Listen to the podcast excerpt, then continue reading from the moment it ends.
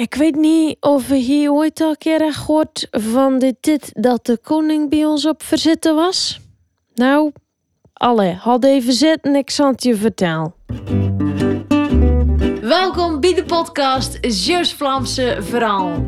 Ik ben Renske Berkmoes, taalnerd van beroep en West-Vlaming van oorsprong.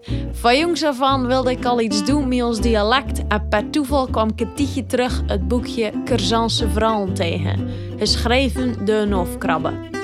En aangezien ik van mening ben dat een dialect vooral is om naar te lusten, en ik hier voor jou een schone podcast van gemaakt. Om het dialect houden en de kinders en kleinkinders, maar ook de oudjes, te vermaken. Verzetten van de koning. Het is al heel veel jaren geleden.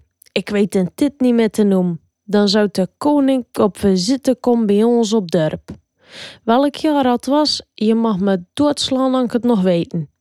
Ik weet waar dat het was in het afgaan van de zomer.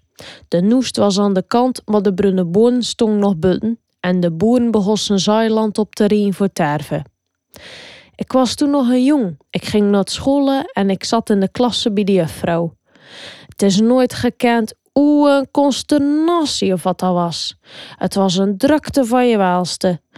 Ik zou hiervan kunnen vertellen onder tut.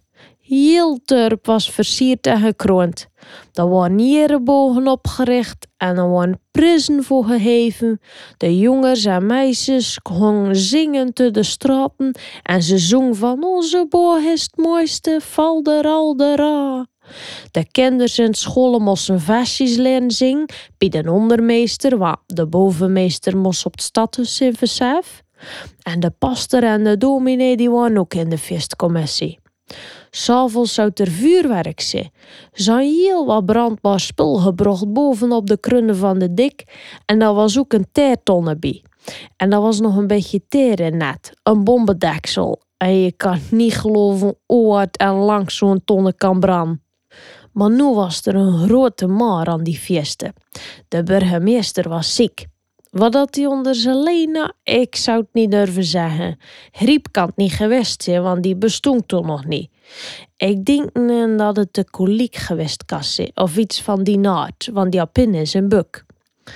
Zal er allemaal mee te doen, want zien allemaal zo ontaard vee van de burgemeester. Maar daar was niks aan te doen. De dokter had gezegd dat het niet erg was en dat hij er weer hou bovenop zou zitten maar dat hij wel zijn rust moest nemen. Maar ja, dat betekende dus wel dat de wethouder in zijn plek de koning welkom moest eten. Een redundantie, zou ik maar zeggen.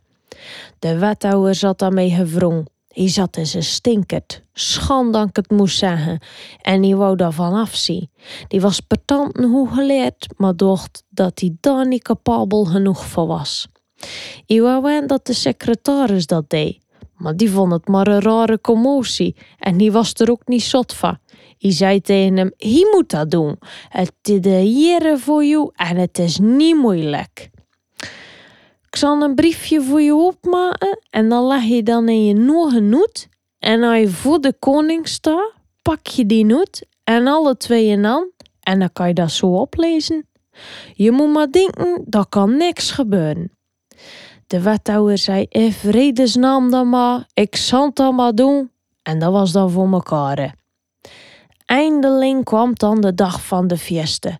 De kinderen werden in scholen getrakteerd. Ze kregen chocolademelk en beschut met muzenkeutels en elke een kreeg een appelsinne. Al het volk uit de buurt kwam naar Turp. Die dag werd er vanzelf niet gewerkt, dat snap je zo. Die dag en ze maar versnikkerd. Daar werden alleen maar wat klutskarweitjes gedaan, die waren bluffen slingen. Al het volk de butten kregen daarbij hun koffie en zo, voor niks. Heel sterke drankversef, dat kan je zo begrijpen. Al het volk stond daar voor het stadhuis in de ronde. Op het stadhuis werd de gemeentebode gestierd van bibo naar babo. Alle klapscheten moest die of de ze er nog niet was. Door die drukte en dat gescharrel van een kroonsel, je het muziek dit gaat om te oefenen. En de commissie had dan beklonken dat ze dat maar moesten doen een uur voordat de koning zou komen. Ze begonnen dan te spelen en de bovenmeester die op het stad dus was, vloog als een naas naar buiten. Hij pakte de twee vrouwen bij de aan en begon te dansen. Elke een sloot daarbij. Daar weer niet naar gekeken of wat het nu een vrouw van een erebijer was of van de dominee. Ze maakten een ring rond het muziek en ze sprong tot aan ze haar pap mee kon ze zeggen. En zonder hen naar, hè, dat het gerij van de koning daar stond. De koning had de meeste lutten van de wereld. Een stukje later kwam de feestcommissie uit het stad dus. De wethouder stond daar voor de koning. Hij pakte zijn noet in zijn hand en keek in die noet, maar die zag niks. Dat kost ook niet, want die zweette zo bovenabel dat dat papiertje plakte naar zijn naar. En elke zag dat. Maar ja, die zag vanzelf niks. Die stonk te kieten of die een klap van de mul had gekregen. Het was een rare riemram. Maar wat dat hij zei precies, ik ben het vergeten. Maar weet nu wel dat hij nog zei, ik zei het wel goed, maar ik bedoelde het verkeerd. het muziek speelde langs zat hij leven. En de koning, die had het tussen slinger. Die zei, ik ben nog een keer tante met een lachertje. Ik heb nog nergens zo'n leutige fieste meegemaakt. En ik hoop hem hout terug te komen. Zo, dat was het weer voor vandaag. Ik hoop dat je weer hebt genoten van dit Zeeuws-Vlaamse verhaaltje. Ik zou het leuk vinden als je even laat weten wat je ervan vond. En abonneren op deze podcast kan ook. Dan krijg je automatisch een berichtje als er weer een nieuw verhaaltje voor je klaar staat.